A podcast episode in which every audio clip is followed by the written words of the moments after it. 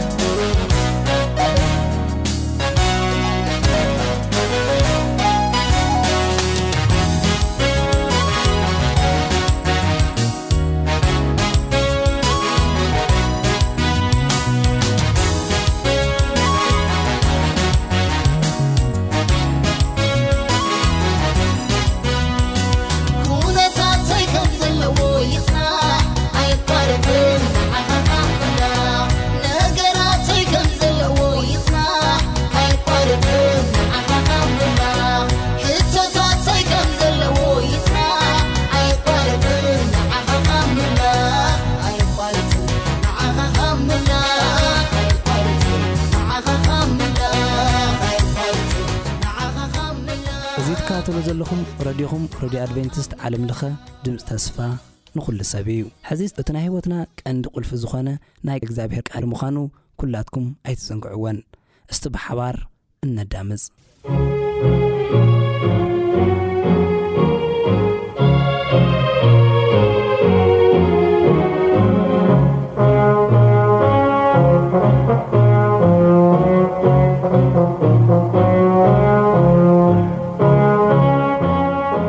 ሰላም ሰላም ከመይ ኣለኹም ክቡራት ሰማዕቲ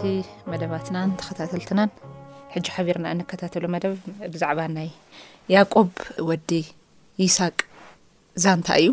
ቅድሚ ናብቲ መደብ ምእታውና ከዓኒ ሓቢርና ክንጽሊ ኢና ንጸሊ ንመስግነካ ኣብ ሰማይ ከቢርካ ትነብር ትማሊ ዝነበርካ ሕጂ ዘለካ ንዘለኣለም ትነብር ኣምላኽ ሰማይ ከም ዘድለየና ፍትሕን ሰላምን ዕረፍትን ለውሃትን ንዕለትን ጌራን ስለትህበና ነመስግነካ ሕጂ ውን ምስ ኣሕዋተይ ሓቢርና እቲ ቃልካ ክንቋደስ ክንበልዕ ንስኻ ብመንፈስካ መንፈስ ቅዱስ ብዝዓሰሎ መሰረት ንኣይን ንሰማዕትን ንስኻ ክትሕግዘና ዝሰምዕ ልብን ዝምህር መንፈስን ከኣ ንክትበና ንልምነካ ናይ ህይወት መምህር ንስኻ ኢኻ እሞ ኣብቲ ማዕድና ንስኻ ተመላለስ ኣይትፈለየና ብሓደ ወድኻ ብኢየሱስ ስም ኣሜን ኣብ ዘፍጥረት ምዕራፍ ዕስራን ሸሞንተን ፍቕዲ ዓሰርተ ይርከብ። እቲ ዛንታ እዚ ከም ትፈልጥዎ እዩ። ያእቆብ ማለት ወዲ ይሳቅ ኣብ መጽሓፍ ቅዱስ ደሎ ካብ ናይ ኣብርሃም ዘርእስ መበል ሳልሳይ ዘርኢ ዝርከብ ኣብርሃም ንይሳቅ ወሊዱ ይሳቅ ድማ ንያእቆብ ወሊዱ ኢሉ ዝሓረግ ዘርኢ ክተክል ከሎ መበል ሳልሳይ ዘርኢ ዝርከብ ኮይኑ ኣነ ዝደለኽዋ ብዛዕባ ያእቆብ ክሕልፋ ዝደለኹ ዛንታ ያእቆብ ካብ ኣቦኡ ንሓውን ነቦኡ ነታሊሉ ኮብሊሉ ካብ ኣቡኡ ገዛ ናብ ዳቤተሰቡ ክኸይድ ኣድኡ ዝለኣኸቶ ኣብቲ ክፍተት ቦታ ንሱ እንታይ እዩ ተፈጢሩ ለምሳሌ ካብ ኣቡኡ ምስ ኣታለለ ብኹርና ወሲዱ ሓቀይ ብኹርና ናይ ሓዉ ኣታሊሉ ምስ ወሰደ ኣብቲ ገዛ ንሱ ክሓድር ኣይክእልን ብኹርና እዮ ወሲዱ ኒኦ ስለዚ እቲ ሓዉ ክቐትሎ እዩ ንኸይቐትሎ ከዓኒ እዚ ናይ መጀመርያ ደረጃ ባይዘወይ ንሱ ነዲኡን እዮም ሰሪሖሞ ዝስራሕ ንሱ ክባረኽ ስለለለየቶ እዚ ናይ በጊዕ እንታይ ድበሃል ኸዲና እያ እዚ ፕሮሰስ ኩሉ ኣካይዳቶ ልክዕ ንስ ምስ ወደእ ከኣኒ ሓው ከም ዝቐትሎ ስለ ዝፈልጥ ናብ እንዳ ናይ ዓሌት እያ ልኢኻቶ ናብኡ ክትልእኾ ከላ ታእይ ከጋጥሞ ኣብ መንገዱ ታእይ ክፍጠር ዝፍለጥ ነገር የለን ግን ዝተሰምዖ ስምዒት ነይሩ ከም ዘታለለ ይፈልጦ እዩ እቲ ዘታለለ እዚ ኣብ ልኾነ እዋን ኣንቢኩም ትኾንኩም ናይ ያቆብ መወዳእታ ዛንታታት ከም ዝተታለለ ይርኤየና ንውዓሉ እቲ መታለሊ ዝተታሊሉ እዩ ቅድሚ ንሱ ምዃኑ ግን እግዚኣብሔር ኣብ ማህፀን ኣዲኡ እንዳሃለወ እዚ እዩ ብኩሮ ንክኸውንስ ንያቆብ እዩ ሓሪእዎ ነይሩ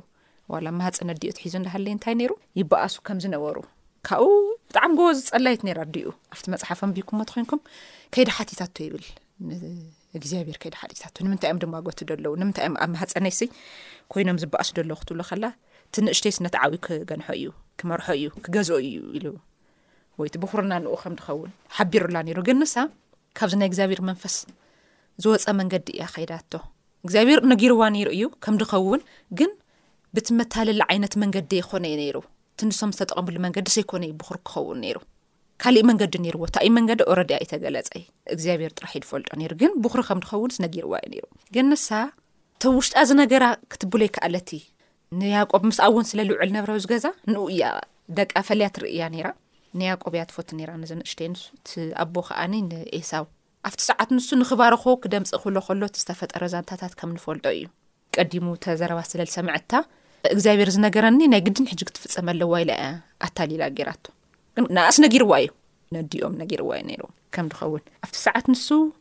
እዚኣ ምስ ገበረ ነፍሲ ንያቆብ ወዳ ከይጠፍእ ለኾነ ሴራ ሰሪሓ እቱ ነገር ፕሮሰስ ወዲኣ ናብ ምንታይ ሰዲዳቶ ናብ ዓደቦኣ ሰዲዳቶ ማለት እዩ ናብ ዓደቦኣ ከትሰዱ ከላ ሕይወት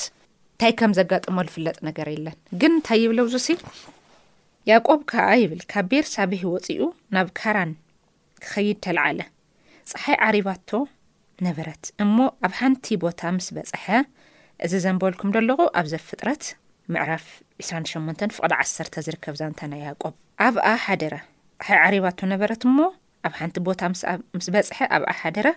ካብታ ቦታ ሓንቲ እምኒ ወሲዱ ድማ ተተርእስዋ ደቀሰ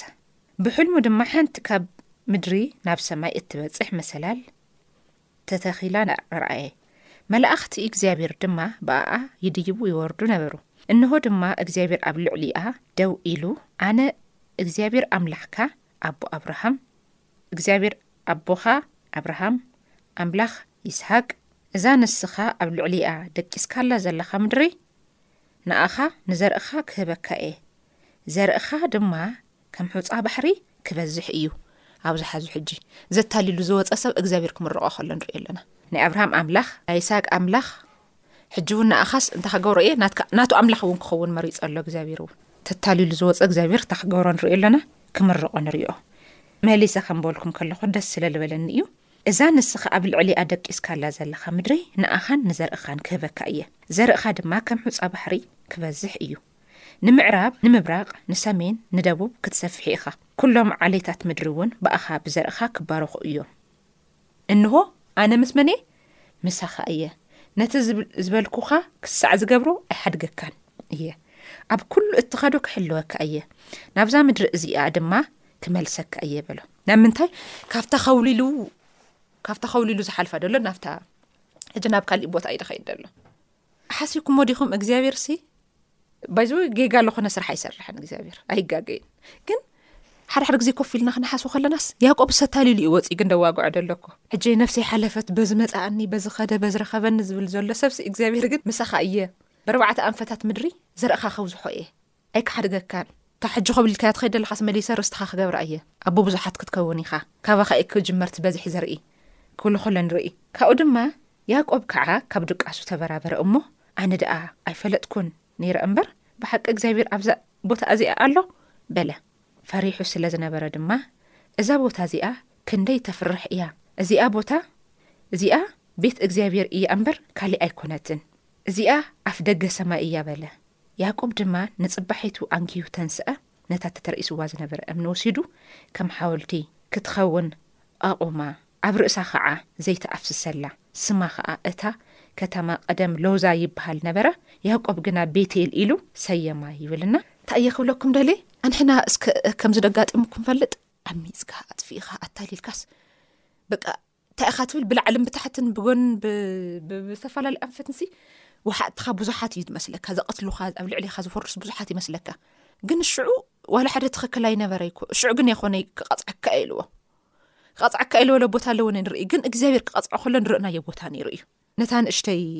ንራሄል ክምርዖ ክብል ክደሉ ከሎ ንመን ይህዎ ከራን ልያ እዩ ይህዎ ንኣ ንክረክብ ንራሄል ከኣ ሸውዓተ ዓመት ተገዚኡ ጠቕላላ ዓሰርተ ኣርባዕተ ዓመት ነተን ካልኦት ዓሕታት ከኣ ንከምኡ ዳርጋ ዕስራ ዓመት ምናምን ማለት እዩ ክረክብ ጠቕላላ ማለት እዩ እዚ ኩሉ ቀስ እንዳበለ እግዚኣብሔር ይቐፅዖኒ ግን ሽዑ የደንገፆ እዩ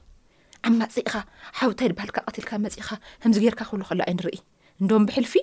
እግዚኣብሔርስ መፅኡስ ንኡ ዝገብሮ ኣጀንዳ ይነግሮ ነይሩ ንዝመፅእ ዘርእን ብዋኻ ከም ድባረኮ ይነግሮ ነይሩ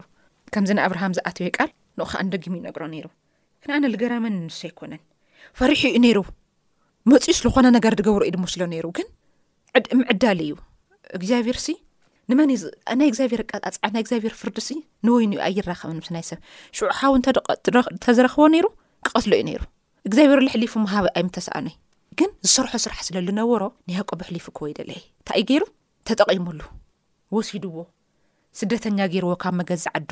ስደተኛ ልኾነ ባይዘ ወይ ብናይ ባዕሉ ስሕተት እዩ እግዚኣብሔር ክገብሮ ነይሩ እዩ እሱ እዩ ክባረኽ ነይሩ ናብ ናይ ባዕሉ ዘርኢ ተመሊስኩም ክትክርእዩ ከለኹም ብክሩስ መን እዩ ናይ ያቆብ ዘርኢ ይሁዳ እዩ ሮቤል እዩ ሮቤል እዩ ብኹሪ ግን ብኩሪ ኢሉ ዝፅውዖ ኣብ ናይ ባዕሉ ዘርኢ መን እዩ ያቆብ ይሁዳ እዩ ስለምንታይ ኣብ ቅድሚኡ ሞጎስ ረኪቡ ይሁዳ ኣብ ቅድሚ እግዚኣብሔር ሞጎስ ስለ ልረከበ ያቆብ እዩ ብኩርነት ተዋሂብዎ ሽዑ ብናይ ሰባዊ ኣተሓሳስባ ኣዲኡ እሱ ክኸውን ኣለዎ ምክንያቱ ብኩር ንእስራኤል ዓብይ ዋጋ ስለዝኮነ ትርጉም ኣለዎ ዓብይ ስራሕ ስለ ዝሰርሕ ዋላ ንክድ ይሳቅሲ ብኩሮ ኣይኮነዩ ግን ከም ብኩር ዘርኢ ይፅዋዕ ነይሩ እግዚኣብሔር ክጥቀመሎም ዝደልዮም ስራሕትታት ስለ ዝነበሩ እቲ ስቴፕ ንሱ እዮም ዝቕፅሉ ነይሮም እስማኤል ኮ ነይሩ እዩ ትናቶም ዘርኢ ዝጥቀም ነይሩ እንዳኻደ ክንርኢ ከለና ባዕሉ ባዕሉስ ብክሩ ዝቆርፀሮ ናቱ እዩ ነይሩ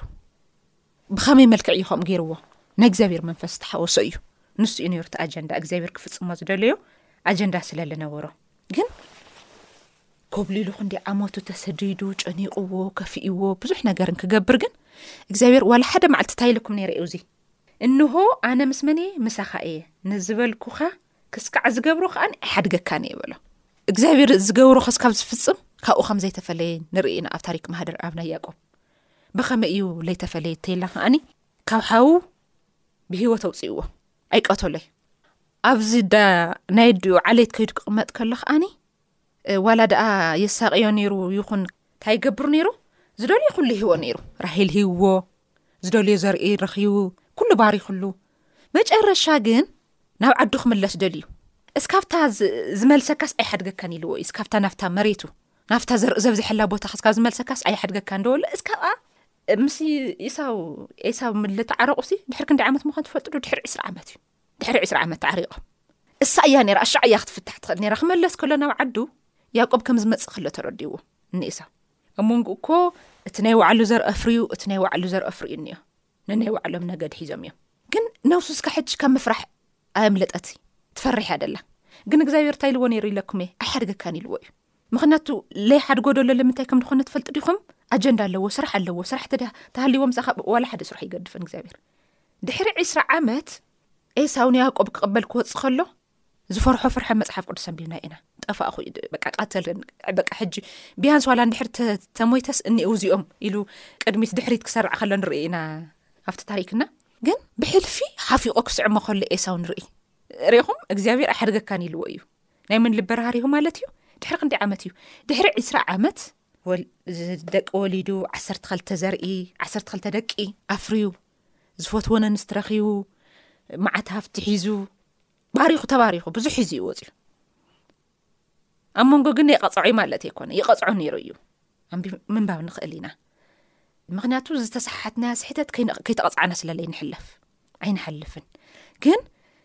እቲ መቕፃዕቲ ልጠቕመና ተኮይኑ ዘየጥፈአና ተኮይኑ ዩ እግዚኣብሄር ልቐፅዐና እምበር ለጥፈአና ተኮይኑ ኣይቀፅዐን ምክንያቱ ብኡ ገርና ንጠፍእ ኢና ብኡ ገርና ንደክም ኢና እና በታ ሸ ሰዓት ተልቕፃዕ ነይሩ ከባድ ነራ ክትኸውን ትኽእል ንያቆብ ግን ዓቕሙ ስለ ዝፈልጦ ኮብላላ ኮይኑ ነፍሱ ክትጨነቕ ክርያ ከሎ እግዚኣብሄር ራሃርየሉ ናይ ሓዊ ልቢ ኮ ምትራር ይኽእል ነይሩ እግዚኣብሄር ግን እንታ ገይሩሉ ኣይ ሓደጎይ ከምዘይ ሓደጎ ንሪዮ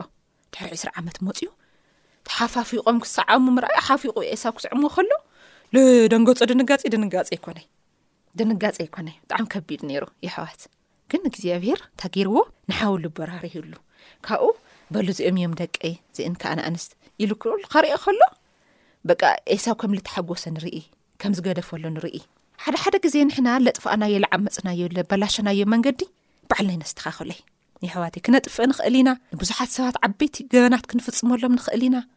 ዘይክበር ነገር ብክርና የታልሉ ብክርና ማለት ከ ክነግረኩም ከሎ ከምዚ ንሕጅናትና ኣይኮነን ዓብይ ነገር እዩ ንእስራኤል ብፍሉይ ርስቲ እዮም ዝርድእዎ እዚ ይወሲድሉ ብዙሕ ነገር ይወሲድሉ እቲ በረከት ከዓን ይኸውን እዩ ንኣኻ እዩ ዝኸውን እዚ ኩሉ በረከት ከዓ ናይ ኤሳው ነበረ ያቆብ ይወሲድዎ ናይ ኤሳው ስለ ዝነበረ ኣይኮነ ናይ ያቆብ እዩ ነይሩ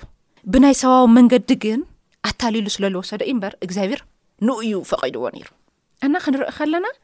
ኣብ መንጎ ተሰሓሒቱ ተሰሓሒቱ ግን ነብሲ ናይ ያቆብ ክትጠፍእ የደለይቲ ኤሳ እውን ንሃዳናይ ናይ ሓው ክኸውን የደለይ በዚ ዘድልዮ ሰዓት ልቡ ናይ ኤሳብ ነኪኡ ይቕሬታ ክህቦ ከሎ ንሪዮ ሽዑ ከዓኒ ከኪ ናይ ባዕሎም ድንበር ሒዞም ብሰላም ክነብሩ ከለዉ ንሪኦም እዶም ካብቲ ቅድሚ ዕስራ ዓመት ድሕሪኡ ዝነበሮ ብሰላም ይበልፅ ኣብ ናይ ባዕሉ ከተማ ሓሰብዎ ደስ ኢልዎ ምስ ደቁ ምስ ኩሉ ነገራቱ ከቢሩ ክነብር ጀሚሩ ከቢሩ ክነብር ከሎ ንሪዮ እዚ ኩሉ ግን ኣብ መንጎ ታይ ንብበልኩም ነይረ ኤና ያቆብ እታ ካብ ላዕልን ስካብ ታሕትን ክኸዱ ክድዩ ክወርዱ ዝረእዮም መላእኽቲ ንኡ ይሕልውዎ ነይሮም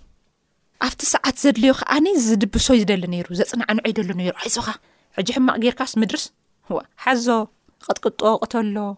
ፀዓዮ እያ ትብል ምድሪ ማለት ከምቲ ድገበርካ እየ ኣትፈል እግዚኣብሔር ግን ከምኡ ይኮነ ዩ ገይሩ በርግጥ ከቢድ እዩ ዝሰርሖ ስራሕ ነብኡ ለታሊልዎ ንሓው ለታሊሉ ብዙሕ ነገር ወሲዱሉ ግን እግዚኣብሔር ኣጀንዳ ነይርዎ ስራሕ ነይርዎ ምስ ያቆብ ስራሕ ነይርዎ ሕጂ ኣነቲ ዓባይ ነጥበ ታይ ክብለኩም ደሊ መስልኩም ኣሕዋተይ ካብ እግዚኣብሔር ኣውፃኡ ንሰርሖ ስራሕታት ኩሉ ኣይጠቕመናይ ንርብቃ ተነጊርዋ እንዳሃለየ ብናይ ባዕላ መንገዲ እያ ከይዳ ሓና ብናይ ባዕልና ንኸዶም መንገድታት ኩሎም የሕዋት ኣይጠቕሙይ የባላሽ እዮም ሕጂ ርእዩ ዕስራ ዓመት ብሰላም ክነብር ዝኽእል ዝግብኦ ዝነበረ ሰብ እንታይ ክኸውን ንሪኦ ስደተኛ ክኸውን ንሪኦ ንዕስራ ዓመት ግን እግዚኣብሔር ናይ ያቆብ ነገር ምስ ተረድኦ ኣብዛ ውሽጢ ዕስራ ዓመት ዝደለዩ ሂቡ ድሕሪ ዕስራ ዓመት ከኣኒ ምስ ሓወራ ኺቡ ይቕሬታ ሂቡ ናብታ ክመልሰ ከኢድወሉ ከተማ መሊስዎ ሕጂ እግዚኣብሔር ዘይገብሮ ነገር እንታይ እኒኦሲ ኩለን ዝበሎ ቃላት ፈፂሙሉ ዘርኦ ከዓ ንዓሰርተ ክልተ ነገዳት ደቁ ከዓነወሊዶም በዚሖም ኣብ እስራኤል ዘርኢ ተቖፀርቲ ዞም ዓሰርተ ክልተ ነገዳት ዝሰም እዮም ዝሰም እዮም ዞም ናይ ያቆብ ነገድ እዮም ግን እንታይ እዩ ገይሩ እግዚኣብሔር ኣይሓደ ኮይ ይሓልፍ ነይሩ ምስኡ ክመሮ ከሎ ክጨንቆ ከሎ ይሪኦ ነይሩ ግን እዞም ዝመላለሱ ዝነበሩ መላእኽቲ ንኡ እንታይ ነይሮም በፃሓቱ ነይሮም ረኣይቱ ነይሮም እግዚኣብሔር ከዓ ተገሊፁ እዩ ተዛሪብዎ እዩ እታ ቤተኤል ዝበላ ቦታ ምስ እግዚኣብሔር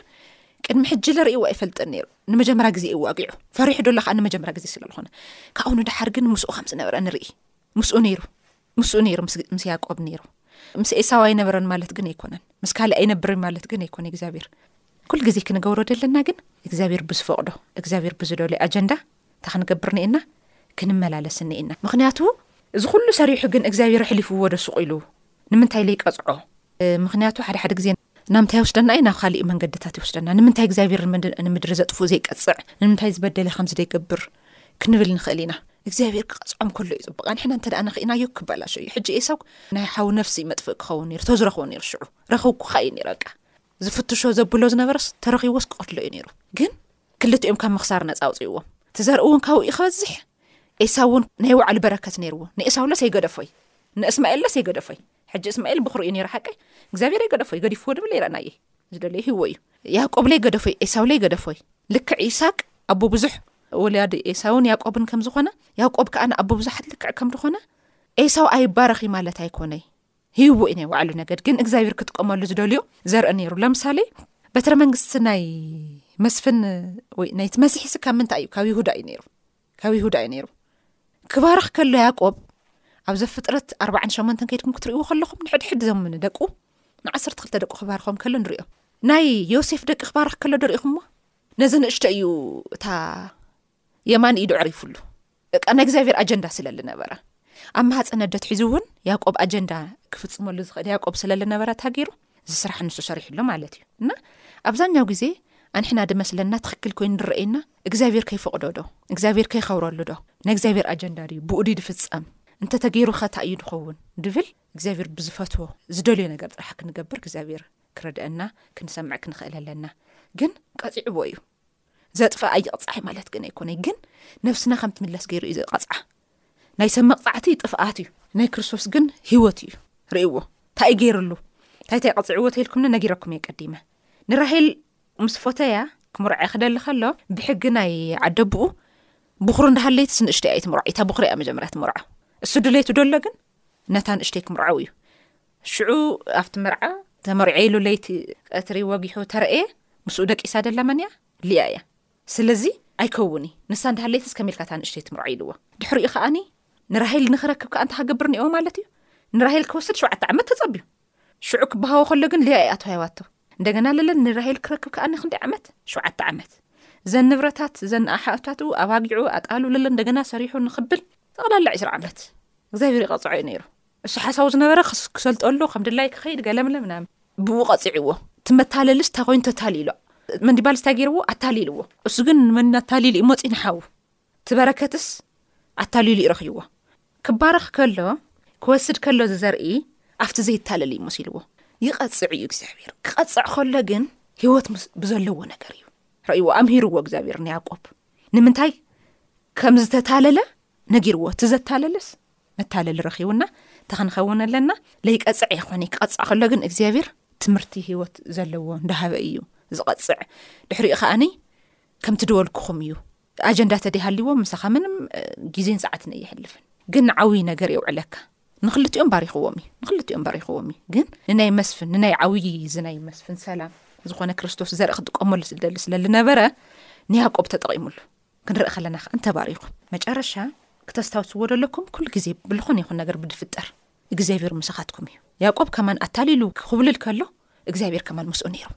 ምስ ጻዲቅ ጥራሕ ኣይከውንን ዝኸውን እግዚኣብሔር ምስ ዓመፀኛታት እውን ይኸውን እዩ ምክንያቱ ኩሉ ፍጥረት ናይ ዋዓሉ እዩ ንብረቱ እዩና እግዚኣብሔር ኣብ ዝደልዩ ቦታ ክንርከብ ዋላ ድኣ ንዓምፅ ዋላ ነጥፍእ እግዚኣብሔር ክቐፅዐና ከሎ ክንሰምዕ ከለና ድበለፀ ግን ከም ዘጥፋእና ክርደአና እግዚኣብሔር ዘይፈትው ኣጀንዳ ካብ እግዚኣብሔራዊ ቦታ ወፂእና ደይምርካብ ታይ እዩ ልሕጉሶ ንእግዚኣብሔር ታይ ተገበርና እዩ ዝጠቕሞ ብዝብል ንሰምዖ እንተኾይንና ይዛረብ እዩ ባይዘወ እግዚኣብሔር ኣምላኽ ስለ ሰምዖ ተዛሪቡ ባሪኽዎ ኣይሓደገካን ኢልዎ ኣብ ሕድሕዱ ከምዘይሓደጎ ከዓኒ ያቆብ ርእዩ ተባሪኹ እቲ ዘርኢ ከዓኒ ሕጂ ንሪኦ ዘለና ብሩኻት ዘርኢ ኮይኖም ዘርኦም ተባዚሑ ብዙሕ ነገር ኮይኑና